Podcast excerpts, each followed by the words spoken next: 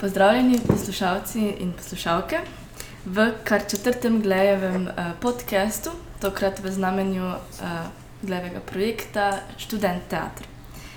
Gledališče Glej je namreč v sodelovanju z Javnim skladom uh, Republike Slovenije za kulturne dejavnosti To. omogočil uh, ljubljanskim študentom in študentkam, da so se zadnje pol leta preizkušali v različnih gledaliških vlogah, lahko so bili režiserji, scenaristi, kostumografi, igravci in podobno. Uh, minuli vikend so svoje delo tudi predstavili in ogledali smo si lahko kar šest predstav. Uh, Z vami bomo naslednje pol uh, ure mm, v klasični zasedbi Ajša Bogazi in Maja Šurli.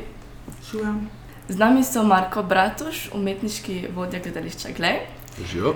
Tjaša Črnigoj, režiserka in mentorica ene od uh, predstav uh, študent teatra. In pa dve študentki, uh, Nina Mila, Milavec, ki se je preizkušala v uh, igranju, ter uh, Brina, Brina Klamfer, ki se je lotila režije. Pozdravljeni. Živijo. Živijo. Uh, no, v današnjem podkastu bomo v prvem delu uh, se bomo pogovarjali o samem konceptu študent teatra, v drugem delu pa bomo skupaj pokomentirali, pokomentirali videne predstave. Bomo začeli kar z um, Markom, da nam pove, torej, uh, kako je ta uh, festival nastal, odkot ideja, odkot sodelovanje z Javnim skladom Republike Slovenije za ljubiteljske dejavnosti in kako Za kulturne to- dejavnosti. Za ne- ne kulturne, za ljubiteljske. Je res, da se najbolj z ljubiteljsko kulturo ukvarjajo, ampak uh, pa res za kulturne. ja. Okej. Um, skratka, ideja je čisto enostavna. ne. Um, jaz že vrsto let sodelujem z javnim skladom kot selektor na različnih nivojih. Se pravi, Linhartovo srečanje, se pravi, odrasle um, ljubiteljske skupine, vizije, ki so v bistvu mladinske ljubiteljske skupine. skupine. In uh, s Šmalcem smo ugotavljali, da um, imamo eno hecno situacijo v Sloveniji in sicer, da dijaške skupine zelo dobro delajo, tudi eh, predstave na zelo visokem nivoju, na kar, uh, ko pridejo ljudje na faks, zginejo preprosto. Se, se pravi, se še ne vključijo v, v odrasle ljubiteljske skupine, ne? to pride nekako pol okrog 40 leta, ki pač prve otroke nahraniš in pošleš uh, v Savudrijo. Um, Medtem, ko za ta segment od 18 do, do 40 pa nekako zgine. In v bistvu še najbolj kritični so pa tukaj študentje, ne, načeloma, ker morajo zamenjati okolje, v novem okolju se še nekako ne znajdejo, nimajo pač znancev in preden se v bistvu te svoje socialne kroge vzpostavijo, jih že malo mine, tudi da bi se s gledališčem ukvarjali. Um, tako da so z Matjažem malo razmišljali, kaj bi se dalo narediti, ne, ne zdaj samo v okviru gleja, ampak tako tudi JSKD, kako bi JSKD k temu pristopil. In tudi nekako ni bilo neke ideje, dokler nismo um, v Gleju zaštartali pa neke platforme za, za sodobno gledališče za najstnike, um, generacija generacij, kjer smo tudi evropski projekt dobili. In v bistvu takrat je uh, Šmalc nekako dobil idejo, da kaj pa če bi v bistvu naredili isto v okviru Gleja, še neko podobno zadevo za študente, kar bi v bistvu tehnično bila nadgradnja uh, tistega projekta. In, um, tako da smo v bistvu v sodelovanju, nekako, se pravi, Glej s tem, da da brand in prostor in to, ne, se pravi, da se stvar dogaja v Gleju, eh, ki je nekako uh, vsem gravitira proti študentski publiki, pa dela z mladimi profesionalci in tako naprej v glavnem. Uh, in pa se, pre, se, pra- se pravi javni sklad, ki pa ima ta uh, doseg, ne, pravi, ki je v stiku z ljudmi, eh, v stiku z kulturnimi društvi. Um, in uh, smo poskusili, pač ta uh, dejansko študent teater festival sploh ni bil v planu. Recimo, ne, ko smo dali plan, kaj bomo mi letos delali, ga ni bilo. Um, ampak uh, potem smo se novembra zelo na hitro odločili, pač on je rekel, da če bi vsem probal, in smo rekli, da se to itak ne more škoditi, tu njih deset ljudi, ki se bo prijavilo, pač bomo že poservisirali. Uh, na, ne, na kar je bilo tako, da so se pač. Um, da se je v 4 urah prijavilo eh, 30 ljudi, ne? in pol do konca tega roka jih je bilo, mislim, da 93 uh, interesentov, in je zadeva presegla uh, to, kar smo mi si takrat zadali. Um, zadali smo se pa čisto enostavno, da spodbudimo študentsko ustvarjalnost ljudi, ki bi se radi ukvarjali z gledališčem, ampak ne na način, da jim damo tekste, pa da bodo potem oni se, se delali, da so oni odraslo gledališče, pa se igrali, da so igralci, pa se igrali, da so režiserji, ampak ne, pač, da, da pokažejo svoj odnos do sveta, se pravi svoje, uh, svoje prepričanja In to smo nekako uh, si zamislili tako, da smo pač jim dali kot izhodišče uh, časopis. Spravi, vsaka skupina, na koncu jih je bilo osem skupin, je dobila za uh, izhodišče če, svojo izdajo časopisa Dnevnik in uh, to je bilo izhodišče. Uh, v pomoč smo jim ponudili mentorje, um, kjer je bila rahla omejitev. Spravi, da ne bi mentori na mesto njih delali predstave, smo se dogovorili, da pač bodo mentori imeli na voljo bolj ali manj pet obiskov kjer se v bistvu jim pomagajo razviti projekt, se pravi razviti avtorski projekt. Ne. In uh, niso vsi do konca prišli, ne. od osmih skupin jih je um, ena je takoj na začetku obupala, ena je obupala tik pred koncem in tudi dosti ljudi je odpadlo, ne. se to pa mogoče tudi um, potem povedali uh, ljudje, ki so dejansko bili udeleženi, kako je to, to um, zgledalo na mikronivoju. Ampak uh, mi smo pričakovali, da neko vsi vsekakor bo, ampak to, da smo dobili pa šest predstav in šest takih dejansko konkretnih paketov, uh. -huh. se pa noben ni, niti v sanjah upal predstavljati. Tako da um, definitivno potem, ko so začeli delati in zapravo v teh štirih mestih, ko so delali z mentori sami, uh, so stvari pripeljali do konca, kar pomeni, da v bistvu ne samo, da obstaja želja, obstaja tudi znanje, obstaja volja in jaz mislim, da definitivno ta projekt je, je kar se tega tiče, naletel na, na pozorna ušesa um, študentov in tudi mislim, da pač bomo s tem uh, sodelovanjem definitivno nadaljevali.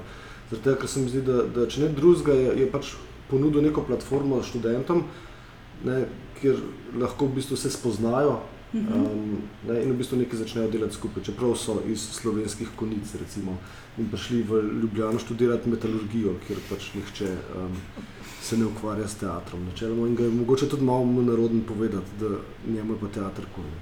To pomeni, da so imeli vaje pa čez teden, takrat, ko načeloma so vsi ljubljeni. Tako je, načeloma, načeloma je bilo to tako, seveda tudi pri urnikih je bilo po mojem največ logističnih zapletov. Ne? Mi se bomo imeli še nekaj evaluacijskih sestanek, ker bomo malo pogledali, kaj in kako bi lahko mi izboljšali. Ne? Zapravi, ne vem, je dobra ideja, da se naredi torek, četrtek skupino. Spravi, mhm. se vanje vključijo samo ljudje, ki imajo torek in četrtek čas, in ne glede na to, ali se imajo radi ali ne. Uh, oziroma, kako to oblikovati naprej, ampak uh, čas je bil dost uh, ena um, problematična točka. Recimo, ena, ena ekipa se dejansko ni mogla dobiti. Uskladiti Uskladiti urnike in tako. Mhm.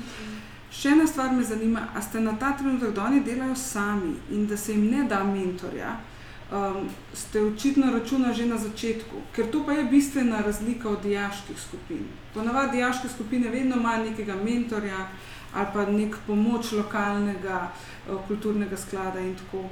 Mislim, da na, naš cilj je bil spravi, jih sprovocirati, da delajo sami. Uh mhm. -huh. Zato, ker imajo veliko zapovedati. Ne? Ker v bistvu, tudi jaz, če gledam na sebe, sem bil, sem bil pri 17 najpametnejši človek na svetu in vsi ostali so bili neumni in jaz sem imel toliko zapovedati. Ne, pač, ne, nis, nikoli nisem bil tako pameten, da sem bil 17, ne, pa šlo sem še na vzdolj. Uh, in v bistvu, veš, treba je dati ljudem možnost, da, da povejo. Vse ni nujno, da je, uh, doskrat te ideje, tudi polka pridejo ven, so mogoče iz sveta odraslih, rahlo naivne, ampak mm -hmm. to je najboljš pri njih, zato ker se ne omejujejo z nekimi družbenimi konsenzi in tako naprej, ne, ampak v bistvu gre, sprašujejo ta pravo vprašanje, zakaj za Boga mora to biti tako. Ne kar je doskrat zelo, zelo fajn uh, slišati. Ne. Tako da, um, kaj je bilo že vprašanje? To, to, da ste torej že od začetka računali na to samostojnost. Ne, absolutno na samostojnost. Ja, zaradi tega, ker, ker ravno pri mentorjih, pri, dia, pri diaških skupinah je še malo težko voditi, oziroma je, je še malo, manjka malo brtniškega znanja. Ne. Uh mhm. -huh. In se tudi pri, pri, pri študentskih skupinah, čist obrtniškega znanja, spravi iz uprizoritvenih umetnosti. Zaradi tega smo tudi imeli mentorja zraven, da mal, se pravi, da malo pomaga, da malo razčisti kakšne dvome, oziroma kako se stvari delajo. Ampak zdaj, če bi mi hoteli jih mentorirati, potem bi dobili samo več tega, kar že, kar že imamo. Mhm. Poanta pa ni, da mi reproduciramo to, kar smo se mi naučili, 30-40 letniki, ampak da študentje pokažejo, kako se stvari delajo na njihov način. Mhm. Kar pomeni, absolutno, da dramaturgija mogoče ne štima tako klasično, kot je štimala, kar je meni popolnoma vseeno, zato ker mislim, v glavnem hočem videti, kako si oni predstavljajo stvari. Ne, zdaj, s tem sem se izuzel, seveda, iz te mladostniške generacije, ampak vsekakor je pač to je poanta tega ne, projekta. Super, zdaj smo slišali nekako že izhodišča, pa ideje, pa da slišimo malo kaj o izvedbi. Tako je. Um, Nina, ti si bila pri sodelovala pri predstavi Dober tek, Uh -huh. medtem ko ti Brina si pa bila v predstavi um, Vitki študent. Zdaj, glede na to, da ste se člani um, teh skupin nabrali iz vseh vetrov, večinoma se niste poznali, a je to za vas pomembno, uh, da ste težje ustvarjali, ali vam je bilo zaradi tega lažje? Oziroma, Hmm.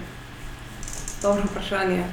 Mogoče predvsem to, ker niti poznali se nismo, niti vloge niso bile določene. Sem v bistvu mogel v nekem krogu nepoznanih ljudi nekako se formirati, da lahko začnemo. In mi smo zelo hitro, smo učili super mentorce, določili, ok, en mora biti organizator, en mora biti to, da saj v tej nepoznanosti saj nekaj znanga naredimo, da gremo lahko naprej speljemo. Um, in počasi smo kar hitro v bistvu potem določili vloge, no? kdo bo kaj prevzel kdo je bil zdaj režiser, kdo ima kakšne izkušnje tako, in se malo spoznali. Um, mogoče pa je lažje, ker ni noben res nobenega poznal in je pač prosto, lahko si rekel karkoli. Ja, jaz bi bil igralec, ker se mi zdi, da sem dobra v tem. Pač noben ti ni sodel, aj ti pa res nisi. Tako da, Ker še ni vedel. če ni vedel, ja, pač. In ko napisal si bil direktno gor na list, Nina Milavec, igralka. In to je pač bilo fiksirano takrat. In potem, ko ste si to fiksirali, a, a je potem to držalo, ali ste pa vmes mogoče ugotovili, da bi kaj drugega? eh, Nekaj članov je po časom, predvsem iz igralskih vrst, šlo v drugo, ampak razlog je bil čas, predvsem, ker so rekli, da se jim zdi, da bi mogli več se angažirati v vlogi igralca in da so šli potem, ne vem, recimo v sceno, ker da so pač dobili neke druge stvari zraven in da jim ne bi uspelo speljati. Zdaj dobivali ste se okvirno dvakrat na teden po dve uri, če vam je uspelo, na koncu verjetno malo več. Um, kako bi opisali vaje, kako so potekale vaje? Ja, mi smo se dobivali krepko več. No? mi smo se prvi mesec mogoče enkrat na teden dobivali, drugi dvakrat, tretji trikrat, zadnji pa vsak dan, pa tudi organizirali delovne vikende. Uh, ker nam je dokaj hitro postalo jasno, da pač kar hočemo iz tega projekta je neka predstava, ki bi mogoče imela pač tudi potencial, da uh, se uh, še kdaj igra. Uh, tako da, ja, z idejo 20 minut se nismo zadovoljili. Uh, uh, kaj, kaj se vprašala? Pardon, aha, kako so potekale vaje? Ja, pri nas je zelo zanimivo. Uh, mi smo se takoj na začetku že osredotočili, da izberemo princip. Uh, ja, se pogovarjamo o neki določeni temi, potem pa vsak pripravi nek prizor, nek performance, neko stvar doma, jo pokaže, mi jo pokomentiramo, ne sme povedati, kaj je mislil povedati. Uh, Tako da smo recimo znotraj tega že tako na začetku, je tudi dosti ljudi iz naše skupine odpadlo. Tako da smo v bistvu na eni točki ostali samo tisti, ki se poznamo. Že odprej pa smo delali že prej skupaj, potem smo pa povabili še druge ljudi, uh, da nismo bili samo trije. Da v bistvu ste delali tudi doma, ne? Ja, ja ogromno, ogromno. V bistvu razmišljali, brali, raziskovali, se pravi, osredotočili neke tekste, a, potem pogovarjali, pisali, valjda pa pripravljali te domače naloge. Tako da mi smo v bistvu nekako tako imeli. Pač pridi na vajo pripravljen, pokaži in gremo dalje. No. Zakaj pa mislite, da so ostali eh, odnehali? Je bila to časovna stiska? Ali... Jaz mislim, da predvsem časovna stiska, ker eh, res, eh, mislim, tudi pričakovanja so bila povsem različna. Veš, pač nekomu je bilo v interesu uh, narediti tekst, vlogo, um, si napisati nekaj in znotraj tega okvirja uh, ustvarjati. Uh, to potem pomeni verjetno vaje enkrat, dvakrat na teden. Mi smo pa rekli, da ne bi imeli vlog, da ne bi imeli teksta, da bi štartali iz sebe, iz trenutka tukaj, zdaj tega projekta in tudi pač uh, časopisano odgovorili na to neko dano nalogo, probali no, uh, Ja, se s tem Zdaj, ko si omenila časopis, koliko ste se dejansko inspirirali iz njega in ali ste štartali iz nekega koncepta, o čem bo govorila predstava, ali je to prišlo potem samo? Ja, mi smo vzeli ta časopis, ga prebrali. Uh, dokaj hitro nam je postalo jasno, da bo nekaj zvezi z mediji, da, da bo to nek okvir predstave, kam pa gremo, pa smo ugotovili, mislim, kaj je naš cilj. Smo pa ugotovili, mogoče teden pred premjero. Prej pa je bila pomembna samo pot in se mi zdi, da je bilo to ful. Pač pomembno, da nismo imeli neke vizije. Vse smo jih imeli, tisoč tem smo si izbrali, že med, ne. Ampak o čem dejansko govori, pa smo pol tik pred zdajci ugotovili, da bo dobro.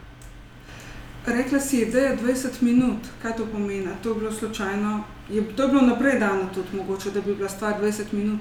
Ne, smernice so bile tako do pol ure, ne, zaradi tega, da je pač lažje obvladljivo. Uh -huh. Zaradi tega, ker je, tako, če bi rekel človek, da pripravite uro in pol, bi vse kap zadela in bi se šli. Pač. To je, ne, in v bistvu, eh, mislim, da je samo ena predstava bila krajša od pol ure, vse ostale so bile daljše. Tako da dejansko um, so se so, ljudje niso v resnici dobesedno imeli uh, te omejitve. Uh -huh. Mislim, ta omejitev je, bila, omejitev je bila bolj priporočilo kot karkoli drugega. Uh -huh. Ja, mi smo razumeli 20 minut, torej do ene ure max. Tako kot si opisala, si mi, se je slišal to, da, da, da si ti že prej režirala ne? in da se pozna to, da se pravzaprav že nekaj časa ukvarja z gledališčem. Ne? Ker je bilo takoj nek ta nastavek več vaj, domače naloge, slišiš se zelo resno. Svet tudi je. In nekaj si napisala tudi kot režiserka, si prevzela to vlogo na koncu. Ja, ja, ja. Mi smo v bistvu štartali vsi skupaj z odra, ampak dokaj hitro se je izkazalo, da bo nekdo tu potreben, ki bo konec koncev na koncu glasbo sukal, ker nam je bilo jasno, da dveh tehnikov nimamo, to je že ne. Ja. Uh, Tako da, uh, predvsem pa. Uh, mislim, vsi, vsi, vsi v ekipi so imeli zelo dosti izkušenj že z gledališčem, pa tudi z, projekt, z avtorskimi projekti. Uh, trije smo obiskovali Via Negativa, tako da nam je tu uh, lep, tako da nam je tu bojem Jablanovec v bistvu bil, mislim, ta princip, način dela smo obrali in se mi zdi, no, da je bilo to zelo obetavno in zelo fino. Kako pa je bilo sodelovati z um, mentorjem in na eni strani, in potem na drugi strani z ostalo ekipo? Uh, mi smo se z Vitom že tako razumeli, da ko on pride, je pomembno, da mi že nekaj njemu pokažemo. Ne? Da nima smisla, da se dobivamo, ko se pogovarjamo, ko izbiramo idejo, ker vse ideje so dobre, samo pomembno jih je izpeljati. Tako da v bistvu je on prvič prišel šele v začetku maja. In je takoj kupil material, in nam je res, mislim, dal še fulejnih na svetu, dobrih, ful idej. Mislim, da je še sam nadgrajeval našo norost, da si včasih nismo upali, pa da nas je ful res dobro peljal, spodbujal in da je odlične komentarje. Tako da je takoj nastalo neko zaupanje, seveda, jaz njemu, absolutno in tudi igravci. Smo se slišali in res smo super sodelovali. Ne. To je bil Vito Vajs, je bil vaš mentor. Um, evo, zdaj nas zanima pa še Tjaša Črnigoj. Torej, tvoja skupina si pa ni izbrala režiserja, ali pa ne, saj tako je bilo napisano, ampak nekako je izgledalo, da so pač napisali so seznam ljudi, ki nastopajo in glasba, skratka, tukaj so si nekje vloge razdelili, niso imeli pa očitno nekega režiserja ali pa to vrstnega režiserke, to vrstne vodje, torej kako si pa ti videla to svoje mentorstvo in sodelovanje z njimi? Ja, njihov proces je bil tak, da so se oni že v začetku odločili, da bodo kolektiv. Uh -huh. Da bodo se pravi, torej vsi nekako demokratično prispevali in se um, en drugega poslušali, en drugemu prilagajali, pa en drugega vzpodbujali. Um, mi je bila pa tle blazno zanimiva ena stvar. Pa če sem to na začetku so mi povedali, sem rekla, ok, zanimivo kul, cool, sem sam tako sem rekla, da je ostati čuječi, da je biti pozorni na to, uh, če se vam na neki točki pojavijo pač potrebe po tem, da si razdelite vloge ali kakorkoli.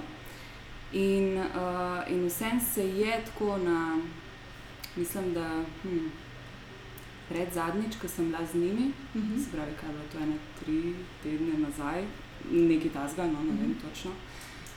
Um, Je pa bilo že malo tako, pač malo so stvari začele se pospeševati, pa malo so začele iti proti koncu, pa malo je bilo treba bolj na hitro sprejemati odločitve.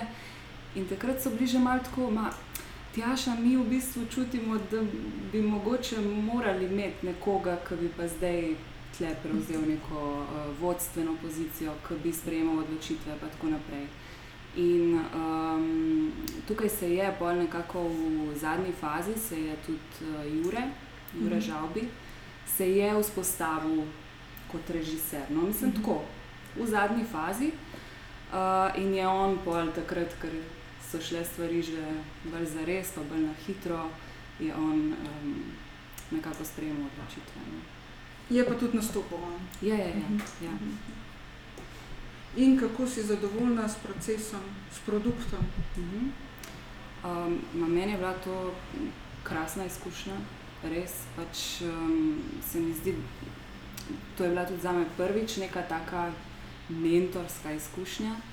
Um, in je bilo res zanimivo nekako spremljati tak proces iz neke distance. No? Pravzaprav, ker um, res tako, na kakšen način o čem razmišljajo, pa ko so si zastavljali vprašanja. Pač, konstantno sem dobivala neke flashbacke na svoje, sploh neke bolj prve procese.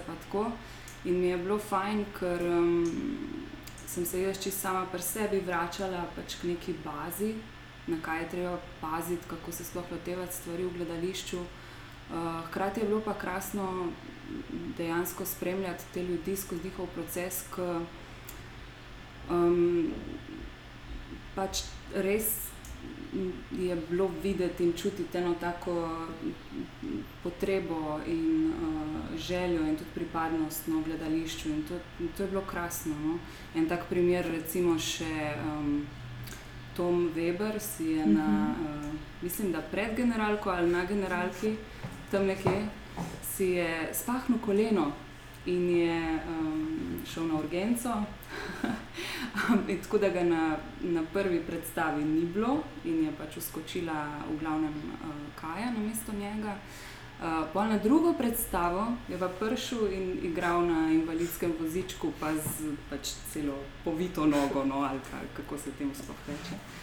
In, um, in to se mi je zdelo super, zdela se mi je super ta njihova odprtost za neke take, um, kako bi rekla, nepredvidene situacije. Um, hkrati pa tudi ta, mislim, predanost, no, res uh, zauzetost, to mi je bilo super.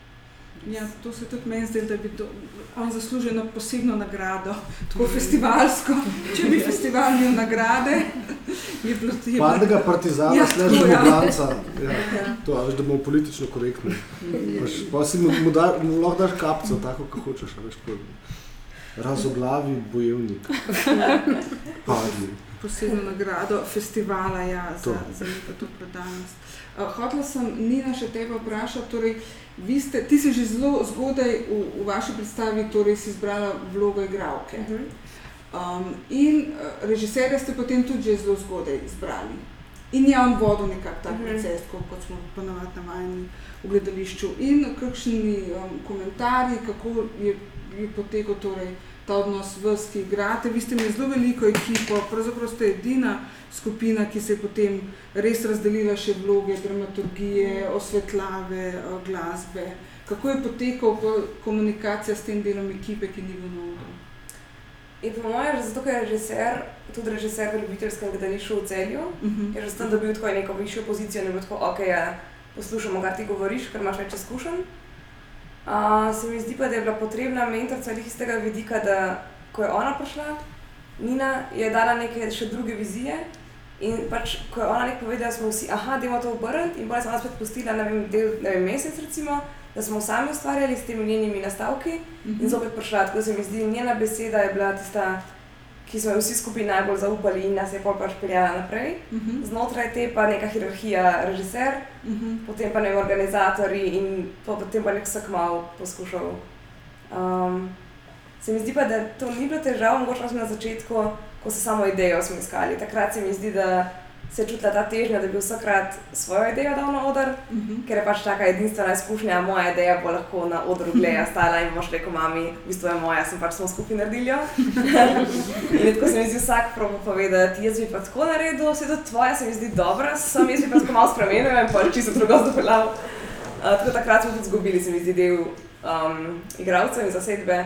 Tisti, ki se pač se niso strinjali s to, kar je potem nekako nastala kot osrednja, v Mhm. bistvu obe skrajnosti, bi jaz rekla, no, um, sta potem opadli in se je neka ta sredina formirala.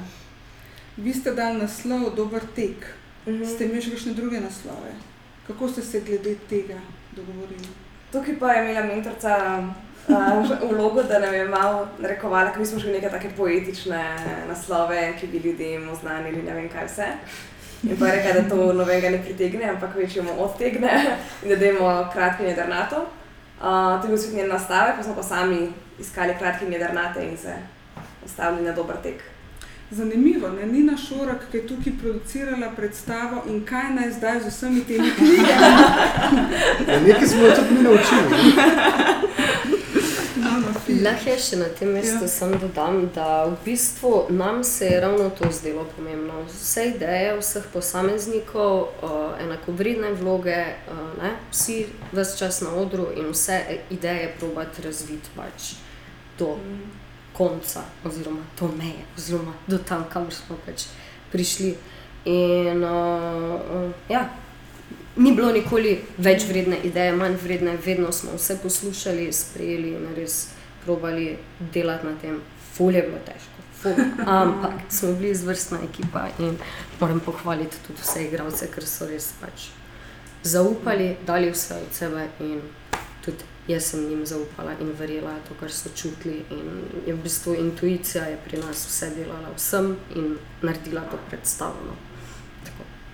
Si mogoče prav to, ko si prej rekel, da niste neke te končne, točne vizije in cilja, niste takoj najdli. Mm. Že to se mi zdi odprto pusti, ker mi smo to iskali in kdo se ni strinjal pač s končnim, je pač šel. Ker če pa prej, če do konca čakaš, je mogoče. Vse tudi mi smo s časom pomerili čisto točen, ampak še vedno je nek ta ne vem, humanitarni tek in kritika tega je bila pač neka osrednja, že kar hitro določena, pa pa neke te individualistične zgodbe v ozadju. Mm. Mogoče preden uh, se pogovarjamo o tem, ka, ka, če imajo te predstave še kakšno prihodnost, pa kaj bo s festivalom naslednje leto in tako, da torej na kratko orišemo torej teh šest predstav, ki je na festivalu dejansko bilo predstavljenih, torej v treh, te, v treh dneh, od petka do sobote, po dve na dan, Do nedelje. do nedelje, petek, sobota, nedelja, hvala. Dve na dan z dvema ponovitvama, um, razen pri Ajmoht, ki sta bili tudi dve različici predstave zaradi uh, požrtvovalnega toma. Okay, prvi dan smo gledali predstavi Rdeča limonada in pa Dober tek. Rdeča limonada je imela šest nastopajočih, mentor je bil Tim Grabnar. Um, nekje vsi so bili približno vseh teh šest nastopajočih, je igralo po eno vlogo in je bilo nekje časovno tako enakovredno zastopano. Njihova zgodba je bila na nek način enostavna. Igrali so recimo ljudi, ki zdaj že imajo en poklic ali pa ne, nastopali so trije moški, pa tri ženske, um, dva moška sta bila policaja, en je bil višji po rangu, drug je bil nižji in želja višjega je bila, da se razkrinka delovanje v bordelu, uh, kjer so, smo pa pač imeli tri zaposlene v bordelu, neko vodjo tega bordela ali pa administratorko in dve um, um, delavki, ki so jih oni vmes Vmes so imenovali plesalki, ampak ni bilo plesa na odru v tej predstavi. No, malo je bilo. A je bil tudi ples? Čisto malo je bilo tam. Uh, ja. Okay, malo je bilo plesa, Ampak- ki sem ga očitno že pozabila. Ja, ja. V glavnem zgodba je, da bojo razkrinkali ta bordel, vendar se ta mlajši policist, ki pride v bordel, tam sreča svojo uh, pač neko staro ljubezen in potem ne sodeluje. Vmes pride pa še ena stranka, za katero mislijo, da je ta policaj pod krinko in seveda ne dobi tega, po kar je prišla. Tako da to je bila rdeča limonada. Naslednji, Madoniš, to si faktografsko vodilo. a bi še kaj dodal? Ne, ne, ne, neč, eh, mislim, ne, uh, uh, sem, a bi eh, bil Kaj? da namen, da se to malo pokomentira? Ne, samo če ima tako, če, če ima kdo željo, lahko tudi kaj pokomentira, ampak hot, Ne, jaz bi samo generalno Ja. pokomentiral. No, da se mi zdi, da, kar se mi zdi totalno pozitivno pri tem, je, da v bistvu vsaka skupina je, je nekako prepoznala, kaj, kaj njih zanima in v bistvu, kaj bi se oni šli. Ne. In Recimo ta, se pravi, ta prva skupina Tinova je v bistvu hotela narediti komedijo. Ne. Se pravi, iz te črne kronike, ne, to je ta um, navezava. Ultra, uspe, ja, se pravi, ultra uspešna navezava, črna kronika, komedija. Um, ne, in pač, uh, se, se je videlo, da je pač njih je to totalno zabavalo, da, so, pač, da jim je bilo, uh, ne, da njim je bilo všeč igrati vloge, všeč jim je bilo uh, smešiti neke avtoritete in tako naprej. In, um, a veš, vsakeč, ko daš štarskega policaja, jaz mislim, da moraš faliti. ne. Tako da, a veš, kar se tiče v tem, kar so si zadali, ne, recimo se mi zdi, da so oni kar izpolnili svojo nalogo. Ne. Tako da, um, je pa absolutno ful zanimivo gledati, kaj si določena eh, skupina ne, um, zada, da bo sporočila. Ne. Recimo oni niso zdaj sporočali nekega svojega mnenja do sveta, ampak so se odločili, da mi bomo naredili nek sketch, oziroma pač serijo sketchov in bomo pač naredili zabavno predstavo. Ne. Tako, točno tako. E, Ta naslednja predstava, Dober tek, v kateri je igrala tudi Nina, je bila že malo bolj kompleksna. Štiri ženske vloge, ena moška, um, torej spet se je igralo nekaj, kar se dogaja po študiju, ne malo, torej nekako starejši, ne, ne, ne, več študenti. Uh, Imeli ste župana, pa njegovo ženo, ki je bila neka delovna, ambiciozna ženska, ki je igrala Nina, pa njeno sestro, ki je, je ali pa ni astrologinja, v glavnem se na, s tem ukvarja, pa gostilničarko, neko preprosto žensko z nizko izobrazbo, ker pač mora delati, in neko tujko na vasi, ki pač pride prvič v to vas in je, se oziroma ki je zdaj na kraj prišla, pravzaprav mogoče zaradi dela v to vas in potem je takoj postane nekako ena žrtev vseh oziroma skupna točka napadov, kjer se strinjajo. Dogaja se ta nek dobrodelni tek, ki ga je župan v resnici odpovedal, ampak tega njegova žena ne ve, pa tudi če kdo drug ne ve. Eh, Odpovedal ga pa je, če se prav spomnim, ker je denar porabil za službo, da je zaposlil sina od gostilničarke, ker s to ženo ne morata imeti otrok in si nekako on je tukaj videl to svoje poslanstvo, da bi pa ta sin od gostilničarke bil pa lahko tudi kot njegov sin in tukaj lahko. In ni dvakrat za reči, da ni. Ne. Ja, ni, ampak ni pa ja, ja tako, ja, tako to, to, to se namiguje. Ne? Lahko, namiguje se pa hkrati nekako skozi to njegovo govorjenje. Uh, mislim, meni je bilo to všeč, da pravzaprav ni treba, da je njegov sin, ampak da, da, pač, da, da govori o neki tej ne, moški krizi srednjih let, ki je ugotovil, da ni poslanstva, očetovstva pa še izpolnil in, In da zdaj- ni Valentin vodnik oben. ja, in da mora zdaj to na hiter uh, um, ne, pač nekako še to, to na svojem seznanju zacahniti. Um, Recimo, Kaj- tukaj, ja. bilo, tukaj, če lahko jaz Ja. komentiram. Ali, lahko da je, da je. komentiram. Recimo, pri tej predstavi je, bilo, je, je bil prvič viden režijski podpis. Ne? Se pravi, recimo, so imeli, uh, se pravi, prizore so odigrali, se pravi, čisto naturalistično, oni nekaj razlagajo in drugmo, ampak uh, so imeli pa monologe, ki so bili Mhm. izključivo odvojeni uh, z uh, zamrznenim dogajanjem od zadnje in tako naprej. Ne? In pomeni, so bili v publiko, pravzaprav Ki so so bili, ja, na- nagovori v publiko, kar ste zelo dobro zdržali. Se mi zdi zelo pogumno, da za nekoga, ki se ne ukvarja profesionalno z gledališčem, da gre na publiko. Tako, um, Ne, ampak recimo, ne, se pravi, tukaj se dejansko vidi, da pač ta fant, ki je dejansko režiral, ne, uh, je pustil tudi svoj režijski podpis. Pravi, da ni on samo ukazoval, kam naj nekdo hodi, ampak da je dejansko tudi vedel, kako uporabiti določena sredstva za dosego ne, uh, določenih učinkov. Ne. Tako da um, spet čist drugačen tip skupine, oziroma drugače so se lotili te stvari. Ne.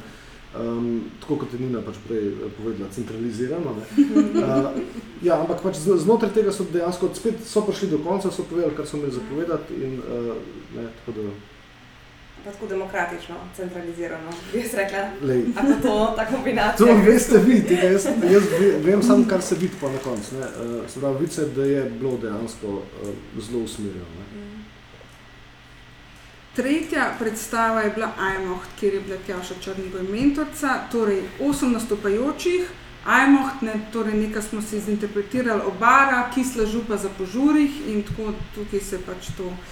Um, večino časa se stvar dogaja na nekih žurih oziroma socialnih omrežjih.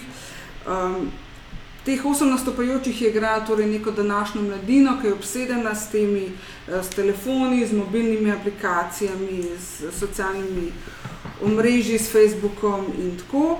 In um, če nisi del tega, te ni, ne, tako, je, tako je bilo pokazano. Tukaj se zdaj mogoče malo ne strinjava, za katero starost je šlo. No. Meni se zdi, da gre za študentarijo. Ja, Ja. ja. Meni se pa bolj zdelo, da gre v bistvu za dijake ali pa celo pozne osnovnošolce. Ja, ampak tam je en prizor, kjer se dva data dol in pa sta še nekako Vse je osnovna šola. ne. Ja, To to pa se pusti, dogaja. ne. Da, pa meni se- ja, no, tukaj puščamo mogoče stvari, eh, stvari odprte. Uh, Mi so en zelo zabaven prizor uh, selfie bootcampa, ki je šlo tudi malo v publiko.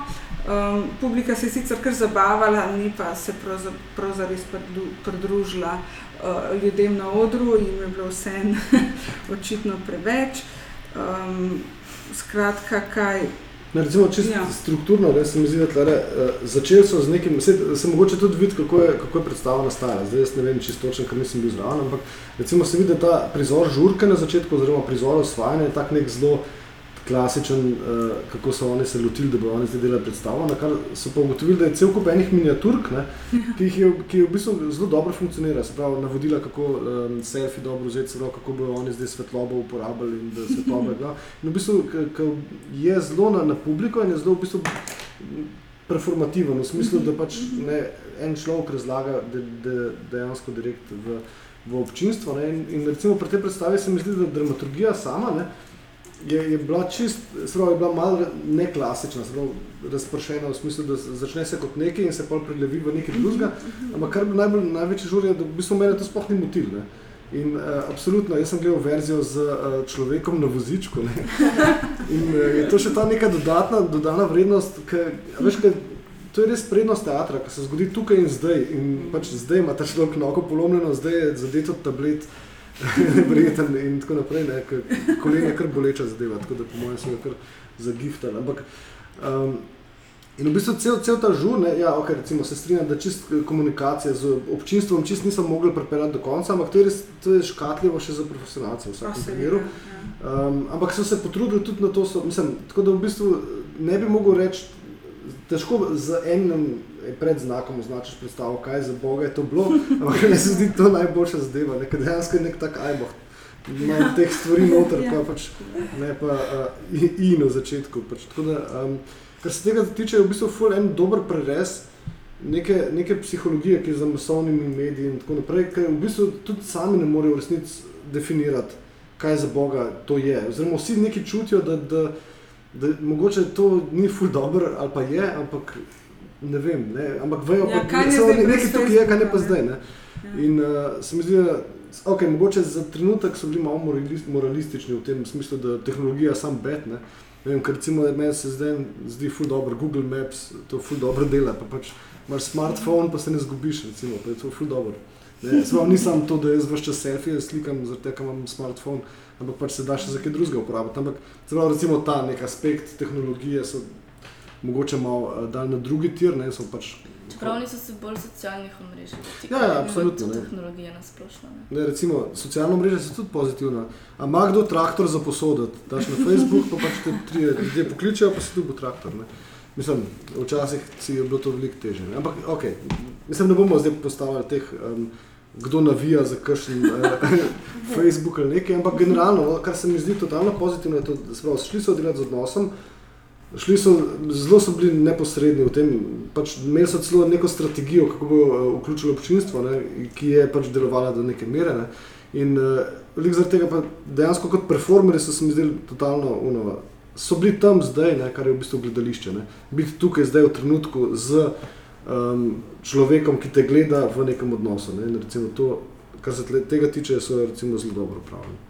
Meni se zdaj samo še to, no, mogoče te predstavi zelo učinkovit ta začeten prizor, ker je bila muska full na glas. In pač oni so povedali eno repliko, in pa je bilo, kaj ne slišim te, ker, je- ker smo bili mi tam, ne?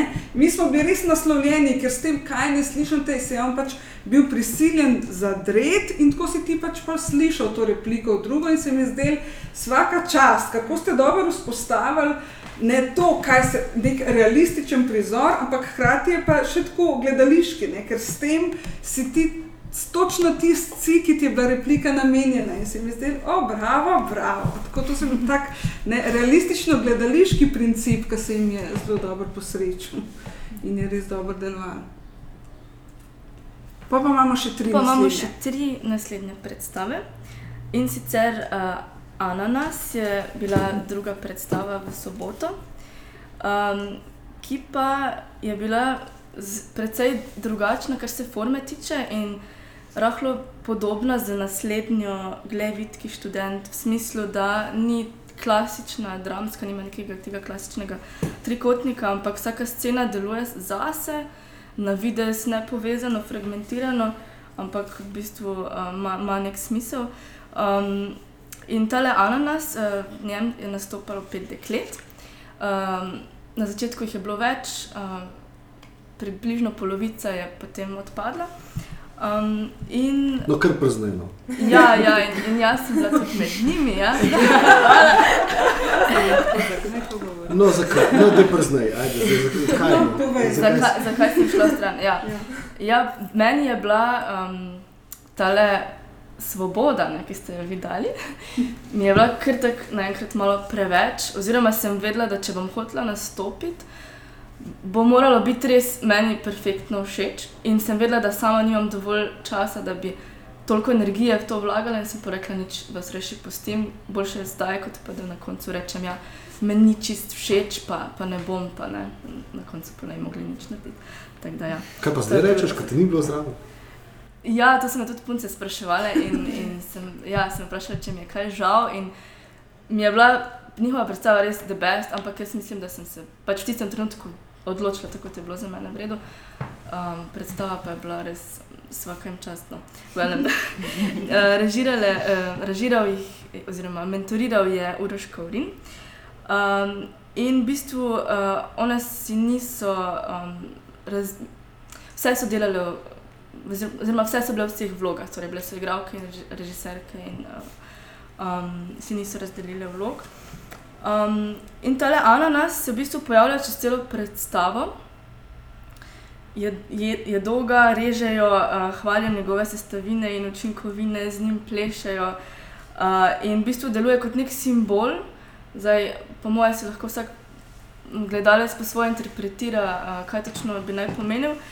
Um, imamo pa nekaj scen, ki jih lahko omenim. Um, in sicer dve sceni, kjer dve dekleti publiko nagovarjata in, in v bistvu imamo občutek, da so, jaz sem imela vse tako občutek, da so na nekem intervjuju, za, da, da želijo biti izbrani za ne vem, ali je to služba ali je to nek tečaj ali kakorkoli.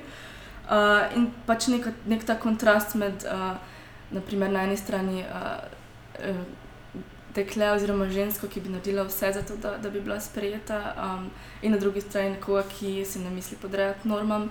In potem v drugi sceni pa imamo mati in sina, ki, kjer v bistvu vidimo, da je mati tista, ki si želi, uh, da bi sin uh, bil izbran, medtem ko, uh, med ko sinu to ni toliko v interesu. Potem imamo tudi eno uh, baletko vmes, v glavnem uh, zelo razgibana uh, predstava.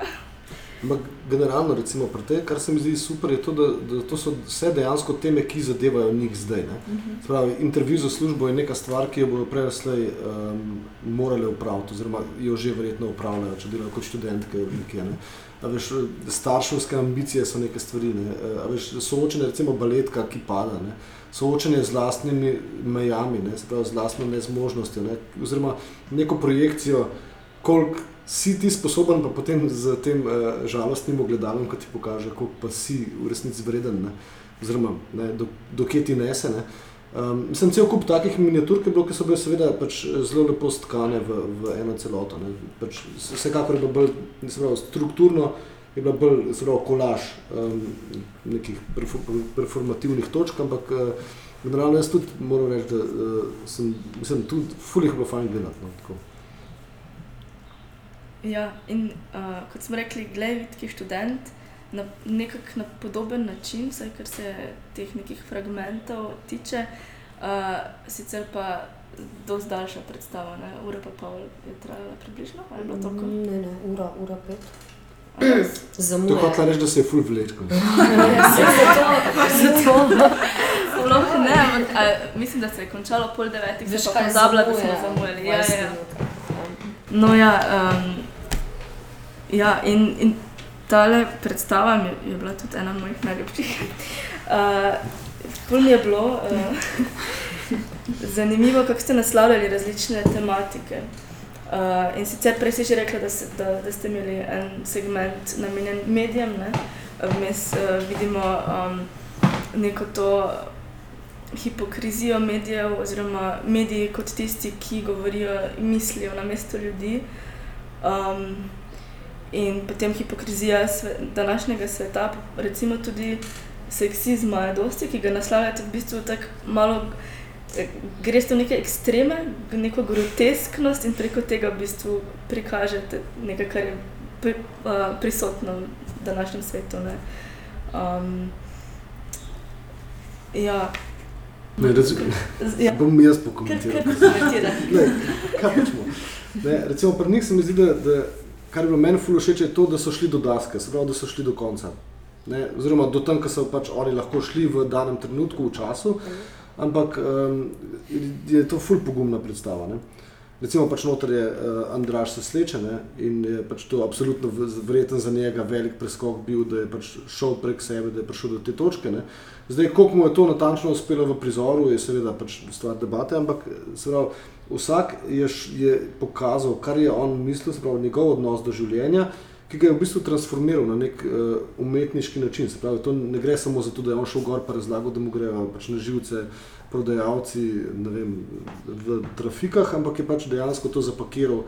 Ne, se pravi, je, je bilo abstrahirano, se pravi, to, da ti ne, se pravi, problem z mediji, problem z um, prodajalci v trafikah, recimo, um, ne, v, v, neko, v, neko, uh, v neko umetniški jezik. In v bistvu se mi zdi, tlele, kar se tega tiče, je to, je to super in jaz sem full vesel, recimo, ne, mislim, ne samo za to predstavo, ampak da je v sklopu vseh predstav, ki so bile, nastala tudi ena, ena te vrste. Ne, um, recimo, kaj je dosti manj estetizirano kot ananas, ne, ananas je bil, vsem, je, je bil dosti bolj zapakiran kot, kot uh, predstava. Ne, medtem, ko to je bilo res bolj uh, ludistična um, zadeva, ne, se pravi, all over the place, kot se temu reče. Ampak uh, spet s to, s to energijo, mi smo zdaj tle, ne, ne jebemo 5%, um, a to lahko rečeš, jebemo, ne smeš. Okay, uh, in uh, recimo, lih ta nagobac uh, zadeva je pač meni super. Zaradi tega, ker to je dejansko, kdaj boš to delal, če ne, če ne zdaj. Ne? Mislim, pa, ko boš uh, star 36, pač se ti malo ne da več. Potem pa še imamo zadnjo predstavo, um, Resnica jadna ptica, ki jo je mentoriral Sandy, nam je kdo. Jesenik. Jesenik, Ja. Uh, tudi tukaj imamo kar uh, veliko število uh, nastopajočih. Uh, in je zanimivo to, da v bistvu je tudi, tako kot smo začeli z neko klasično, uh, smo končali z klasično uh, neko dramsko prizoritev. Um, in sicer um, na začetku vidimo neko žalostno dekle, ki se zaradi nekega psihičnega slabega počutja ne udeleži um, rojstnodnevne zabave, ki je nek osrednji del te predstave. Uh, na tej rojstnodnevni zabavi pa v bistvu vidimo, um, imajo igralci vloge, neke take tipizirane vloge. Um, naprimer, neka glupa, zabavna, emocionalna bosanka, potem plehko, umetno dekle, vsiljiva, new ageska svetovalka, uh, potem ponosni mačo, men, zabavljač, verna zaročenka in, in podobno. Um, in ja, v bistvu jaz tukaj sem se malo zgubila pri, pri sami predstavi, lahko me kdo uh, malo Lahko. dopolni. Uh, ker ja, ni, nisem potem najbolj. Um, Ne, predstava je govorila načeloma o raku, se pravi o tem, da, ne, kakšne težave imamo ljudje v vsakdanjem življenju in v bistvu kako te težave v resnici zbledijo, ko imaš ti dejansko nek, neko težavo. Ne, in v bistvu kako dejansko ljudje, ki se soočajo z rakom, ne, um, v bistvu so ful pogumni, oziroma ne, se, se ne obremenjujejo okolice, medtem ko pač ljudje, ki so hipohondri, pač težijo vsem po, po vrsti. Ne.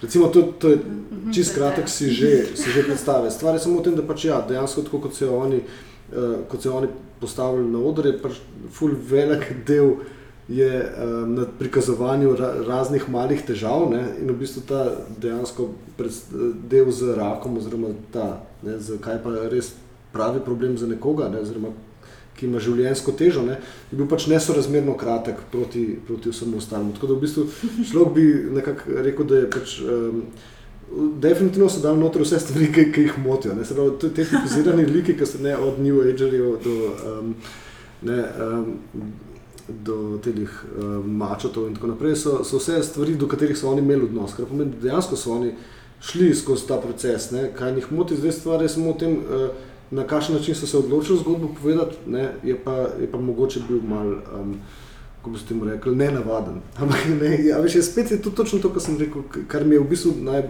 kar mi je fajn. Resnici, da, lej, oni so tako te stvari postavili in recimo jaz sem uspel prebrati ven, kaj so oni hoteli povedati. Ne.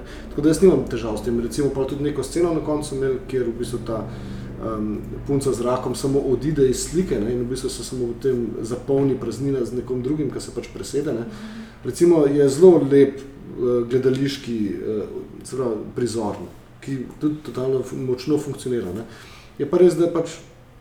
Ne, uh, a veš te odločitve, kako pa to prikazati, ne, pa absolutno bi, če bi gledali skozi optiko gledališke obrti, ne, čist uh, suhoparno, bi se dali narediti boljše absolutno. Ne? Ampak uh, spet tle res, ne vem, meni se res zdi, da, da, je, veš, da so oni identificirali, kje je teme njih zanimajo, kaj bi oni radi povedali in so to povedali. In se mi zdi, da tle, kar se tega tiče, pa stvar funkcionira.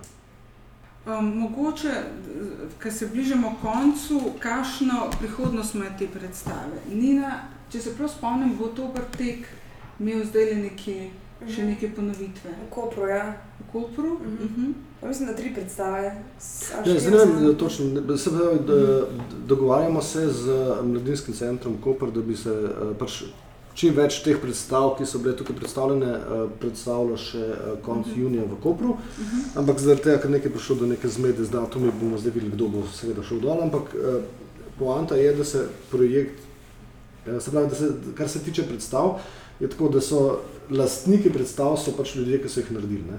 Um, seveda je pač mi. Uh, Si želimo, da se omeni, da je pač GLJSKD, da je to sodeloval in da je to v bistvu projekt, ki je nastal v um, študent teatru, ampak mi ne omejujemo, kam oni lahko grejo. Ne? Kar pomeni, da dejansko jih spodbujamo. Se pravi, če se kjerkoli lahko zrihtajo, um, da gostujejo, to bolj, zaradi tega, ker pač ni naš. Eh, namen, da pač oni za nas naredijo predstavo, da potem jaz sedim tam in potem ploskam in potem oni umrejo in to je to. Ampak je stvar dejansko v tem, da, da ravno to, da smo spodbudili gledališko ustvarjanje in pač če so oni nekaj naredili, absolutno je treba to kazati okrog. Ne. Je pa res, da seveda zaradi finančnih in drugih, um, kako se temu reče, okoliščin, ne moramo mi njim omogočati tega, niti nimamo osebja, da bi v bistvu rihtalo za njih ponovitve in tako naprej. Tako da tukaj veliko temelji na, na samo inicijativi. Pač ene, določene skupine so bolj samo inicijativne kot druge, ne, ampak dejansko spodbojene so pa vse. Ne. Da, in tudi, se pravi, ne, ker ljudje izhajajo iz različnih okolij, če lahko kdo v domačem kudu zrihta, to boljš. Um, in dejansko nam je v interesu, da se to čim več igra. Ja, nam tudi, da bomo s polno paro šli naprej. Mislim, da bomo se še že junija uspeli za eno ponovitev dogovoriti, ker imamo tudi eno tujko v ekipi, ki odhaja konec junija. Potem pa bi ona lahko prišla nazaj, samo imamo pa eno študentko, ki odhaja za pol leta na Irsko. Tako da imamo cel kaos glede tega, sploh ker smo naleteli na res dober odziv. No. A, ker valjda ne veš do zadnjega trenutka, kako bo to sprejeto. Uh -huh. In uh, se bomo probali maksimalno organizirati, ker so tudi drugi ljudje rekli, da jim je žal, ne samo za prijatelje, ki niso nas videli, ampak za vse ljudi, ki tega ne bodo videli. Tako da to je, to je bil res dober komentar. Da bomo, kjer je volja, tam je pot, to imamo tudi v predstavi. Tako da se bomo potrudili maksimalno izkoristiti to. No. Vse smo v bistvu tudi s tem ciljem šli mhm. delati to predstavo. No. Kako smo seznanjeni, se bo študent teater nadaljeval? Ja, s tem, da bomo pač malo prej začeli naslednje leto. Pravi, zdaj smo delali eh, v smo novembra, začeli, eh, smo v januarju je bil vodni sestanek, eh, smo v novembra smo šele začeli zbirati prijave, zdaj letos bo to malo prej. Zdaj bo sledil še nek kratek evalvacijski sestanek, kjer bi v bistvu pravi, vodstvo projekta um, se malo pomenilo za udeležence, kaj jih je motilo, predvsem zato, ker pač iz teh negativnih stvari uh, se probujemo mi naučiti, kako določene stvari uh, izogniti. Recimo tudi ljudje, ki niso prišli do konca, so ljudno vabljeni, zato ker tudi to je zelo pomembno, da, da razumemo mi, kaj se je zgodilo. Um, tako da, ko bomo to vedeli, bomo v bistvu zastavili uh, novo sezono. Jaz mislim, da se bo princip mentoriranja rahlo spremenil. In sicer, da bo verjetno se skupaj se začelo kot neka delavnica za razvijanje materijala, se pravi, kako sploh priti do materijala in potem, da potem šele vstopijo mentori na, na to, kako bo skupina formirana in tako naprej. Tudi kako se formirajo skupine, je, je še um, vprašljivo. Tako da, ampak, skratka, učimo se tudi mi. Uh, mislim, sicer nikoli nismo trdili, da smo vso pamet pojedli že uh, prej, ampak um, problem je v tem, ker se pravi, pri pilotskem projektu ne veš. Ne? V bistvu smo totalno bili v tem, nismo niti vedeli, da bo to koga zanimalo ko smo dobili ta odziv, nismo niti vedeli, kako naj razporedimo ljudi. Ne? Tako da smo na hitro poslali uh, vprašalnik ven in moram res pohvaliti udeležence. To je bilo v 24 urah, smo dobili 100% odgovore nazaj na anketo in to je bilo noro. V življenju nisem videl tazga odziva. Ne, kjer smo jih potem mal po preferencah, se pravi, kakšen tip gledališča ti všeč in tako naprej, pač tako vprašanja so bile noter, smo jih lahko nekako približno Eh, pogrupirali um, v, v skupine, potem so se seveda ljudje še malo zamenjali, kdo bi rad skombil in tako naprej na samem uh, srečanju. Ampak vse to, da smo približno imeli neke smeri, um, smo nekako tako sestavili skupine, ker pač, ko imaš 93 ljudi v sobi in rečeš, kdo bi bil v skupini. Je to zelo hecno, stvar nastane, ker pač nastane 18 skupin s potremi ljudmi. Uh, Medtem, ko imaš še nekje kupček 40, ki ne ve točno kaj bi. Tako da, um, ne, generalno pač bomo te stvari provali izboljšati, prav čisto na logističnem nivoju. Ne. Kar se tiče na vsebinskem, je tudi stvar za premisliti, ampak jaz mislim, da glede na to, da, da ni noben se ful pretožval, da je pač časopis ful grozno izhodišče, ne. mogoče bomo dali za naslednjič telefonski imenik ali pa nemško-slovenski slovar, ampak pač vse neka, neka taka, um, zelo neko izhodišče, ki ni dramski tekst. No. Pa ne zaradi tega, da ker, totalno tripamo na postdramsko gledališče, ampak samo zaradi tega, ker, eh, ker nekako želimo, da ljudje izrazijo pravi, svoje stališče, se pravi, ta avtorski pristop nam je, nam je v bistvu za ta segment, pa ne zdaj, da bi ne, zvenelo to vse skupaj, kar koli, da mi zdaj govorimo študentom, kaj pa mi mislimo, da oni so sposobni narediti, ampak se mi zdi, da če kdaj, no, da res je, je tukaj um, priložnost, da se da, da se jim pustijo odprte roke. Tako da, um, tako da, kar se tiče tega, ne, da imaš preveč odprte roke, bomo probali pomagati. Um, zdaj pa, ne, kaj bo pa naslednje leto, pa ne vem. Ne. Tako da upam, da bomo imeli ful težav s tem, ker bomo mogli še več predstav spraviti uh, skupaj. Uh, ampak generalno no, ne, gre za, ne gre za kvantiteto, ne, gre za to, da dejansko te ljudje, ki so, ne, recimo en komentar mi je bil super, da ena, eden eh, od um, predstav, ki ni potem, ki so odpovedali v zadnji sekundi, uh, ne, komentar je bil, da uh, sicer niso prišli do konca, ne, ampak da njemu je ta proces, ki je mogel pač enkrat nekaj razviti, nek prizor o samem sebi in je v bistvu sam sebi priznal par stvari. Ne, da v bistvu ga je naredilo boljšega človeka in da v bistvu vse vse, če niso prišli do konca, da on zdaj nekaj razume vse. Ne, kar je v bistvu seveda je stranski učinek ukvarjanja z gledališčem, ne, zato ker pač moraš večkrat preizprašati določene stvari v življenju. Ne. Um, tudi ena študija je, je ne vem točno kako se reče, ampak um, o tem vpliv gledališča na um, človekovo osebnost in dejansko so sami pozitivne um, aspekti, sprav, bolj se človek vključuje v družbo, bolj je kritičen in tako naprej. Eh, bolj je dojemljiv, bolj se ukvarja s politiko. Ne? In negativen je, da pač večkrat misli na samomor. Je, uh, kar načeloma je, seveda, če se ukvarjaš s stvarmi, začneš razmišljati. Pol, Dejansko v svetu, kot je današnji, eh, težko greš mimo tega. Niso rekli, da se jih zelo veliko pobija, ampak sam zelo veliko začne razmišljati. Ne?